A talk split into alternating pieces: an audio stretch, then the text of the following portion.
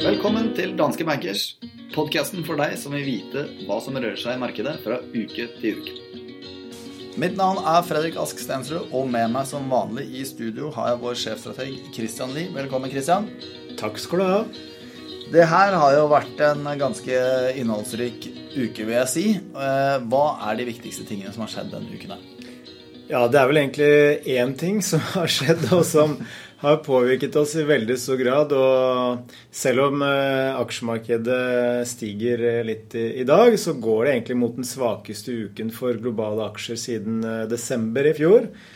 Og det er jo selvsagt da eh, Trump, Trump som det heter på engelsk, som eh, på søndag la ut et par twittermeldinger Twitter-meldinger om at eh, handelskrigen, eller handelsforhandlingene, hadde gått litt i stå, og at han ikke kom til å finne seg i en del av de tingene som kineserne la til rette for.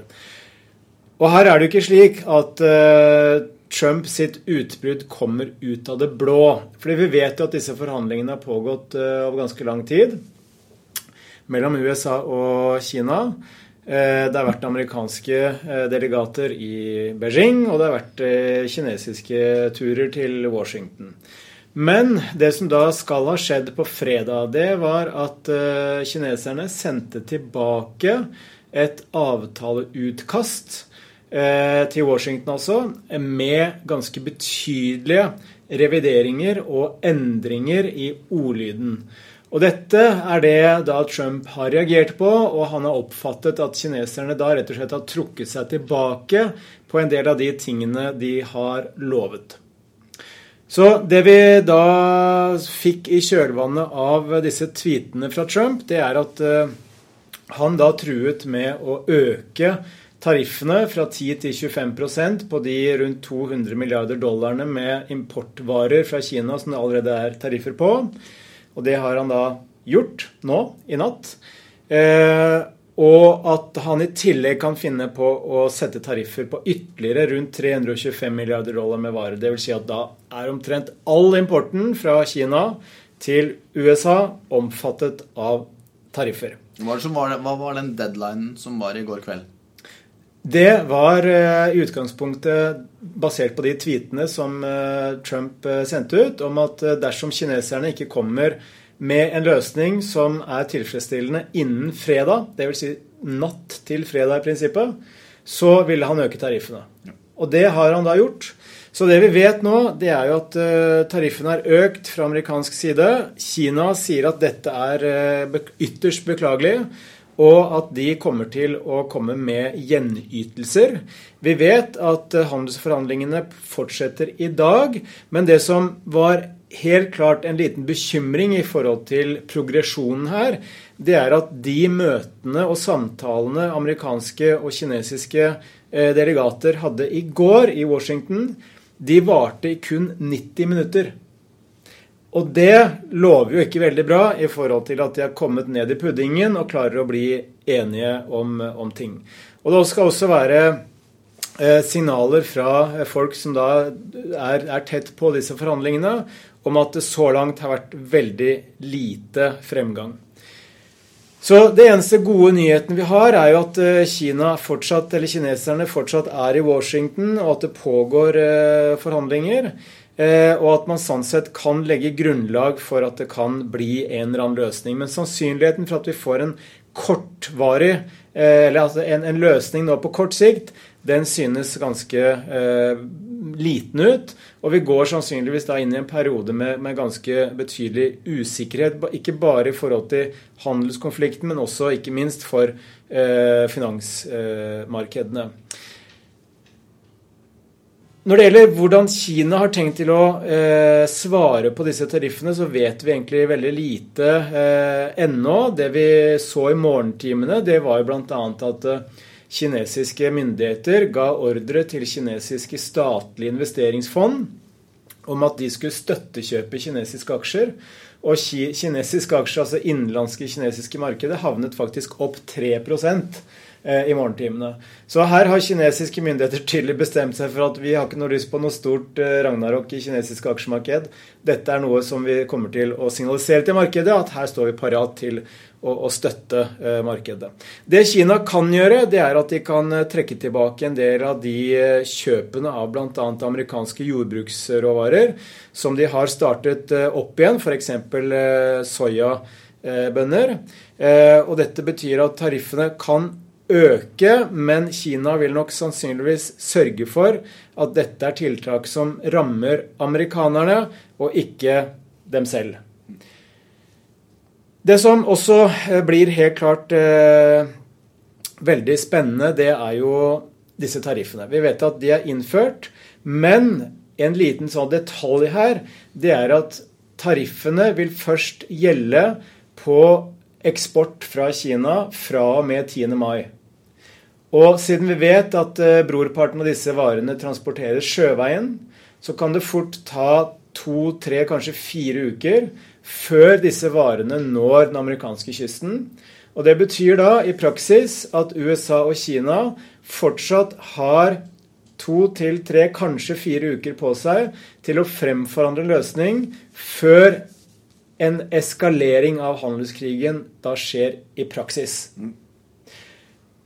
Men spørsmålet er jo da hva finansmarkedene kommer til å foreta seg. For det er ingen tvil om at Aksjemarkedet har jo ikke falt veldig mye. altså Vi snakker om rundt 2 eh, de siste fem dagene. Eh, så prises det fortsatt inn et lykkelig utfall av handelskonflikten. Det er det ingen tvil om. Og skulle vi få en større skuffelse, f.eks. at kineserne reiser hjem i sinne, eller at man ikke får noen løsning nå, så vil nok vi kunne se mer nedside i aksjemarkedet enn det vi allerede har sett. Men vårt base case er en handelsavtale innen utgangen av andre kvartal. Det vil da si innen utgangen av juni. Eh, men det er fortsatt ganske uklart hva betingelsene her vil være. Fordi litt sånn som jeg skrev på Twitter eh, før i dag, så er spørsmålet vil kineserne akseptere en avtale som får Trump til å fremstå som en seierherre? Og vil Trump akseptere en avtale som ikke får han fremstå en som en seiersherre? Så her er det en litt sånn catch 22-situasjon, egentlig, som blir ekstremt spennende å følge fremover.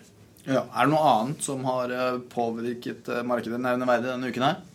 Eh, ja, vi har fått eh, faktisk eh, et par bra tall fra Europa. Det er jo etterlengtet, etterlengtet og vel så det.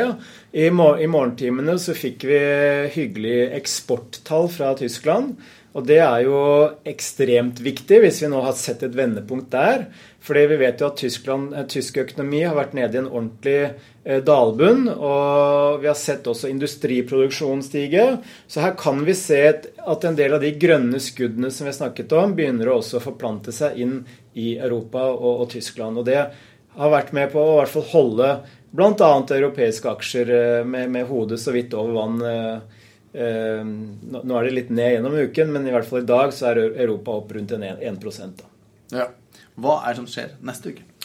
Neste uke så har vi en del eh, spennende nøkkeltall. Eh, ikke minst på tirsdag, dvs. Si natt til tirsdag, er det riktigere å si, klokka fire på natten så får vi denne trippelen med kinesiske nøkkeltall. Det er jo de tre som publiseres samtidig. Det er detaljhandelsvekst, det er investeringer, og det er industriproduksjon. Og Grunnen til at disse er spennende, det er jo ikke bare at vi fikk en ordentlig rekyl eh, for eh, den forrige, foregående måneden, det vil, da, det vil da si for eh, mars. Men får vi apriltallene også i riktig retning, så vil det helt klart kunne være noe som underbygger et greit sentiment i markedet til tross for handelsusikkerhet. Og så får vi tysk BNP-vekst på onsdag klokka åtte. Og vi får amerikansk detaljhandelsvekst onsdag klokka halv tre. Ja, men da har vi jo litt av hvert å se fram til der. Eh, og det er jo alltid spennende å følge en eh, president som bruker sosial media som del av sin politiske retorikk. Så her er det bare å spenne seg fast. Jeg skal gå gjennom eh, markedsbevegelser siste fem dager og også oppsummere de viktigste sakene for neste uke. Men først så må vi til vår aksjeolympiade 2019. Og nå har vi vel truffet på shortene våre? Vi har truffet på shortene våre, men det som slår meg, er at eh, dine posisjoner har en tendens hele veien her til å gå litt bedre enn mine. Forrige uke så beholdt jeg min short-posisjon i Norge, og den tjente jeg 1,1% på, mens du shorta Tyskland Tyskland, og den fikk du 2,2% på. Så etter 19 uker så ligger jeg ned 0,8% mens du er opp 6,2% Så residualet der er fortsatt altfor stort for min smak. Er det noe premiering her? Altså, det er noen store premier, men det er ikke kjent ennå. Men eh, i dag så vil jeg velge først. Jeg har ikke noe tro på denne Kina-trippelen, og jeg tror det kommer til å bli kaotisk eh, framover. Så i fare for å, repetere meg selv til det kjedsommelige, så kommer jeg til å velge en ny short-posisjon. Men denne uken her så tar jeg faktisk en short-posisjon i en bred kinesisk indeks. Oi, er det lov? Det er det fra nå av, i hvert fall. ja, det er du som setter reglene her. Uh, ok. Jeg tror uh, amerikanske aksjer vil slite fremover. USA har liksom klart seg overraskende bra, egentlig. Eh, og vi vet jo at en tredjedel av oppgangen i amerikanske aksjer så langt i år, det er drevet av tre, unnskyld, fem ulike teknologiselskaper.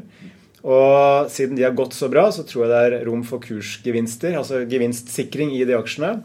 Og jeg shorter da amerikanske aksjer. Ok. Jeg short Kina, du short USA. Da tar jeg markedsbevegelser siste fem dager. OECBX ned 0,8% SMP 500 ned 1,6 Eurostock 600 ned 2,5% og oljeprisen flatt. De viktigste sakene for neste uke blir jo da Kina-trippelen natt til tirsdag. Det er da eh, detaljhandel, investeringer og industriproduksjon. Eh, så får vi tysk BNP-vekst onsdag klokka åtte. Og så får vi detaljhandelsvekst fra USA på onsdag klokken halv tre. Det var alt vi hadde i ukens episode av Danske Bankers. Vi høres.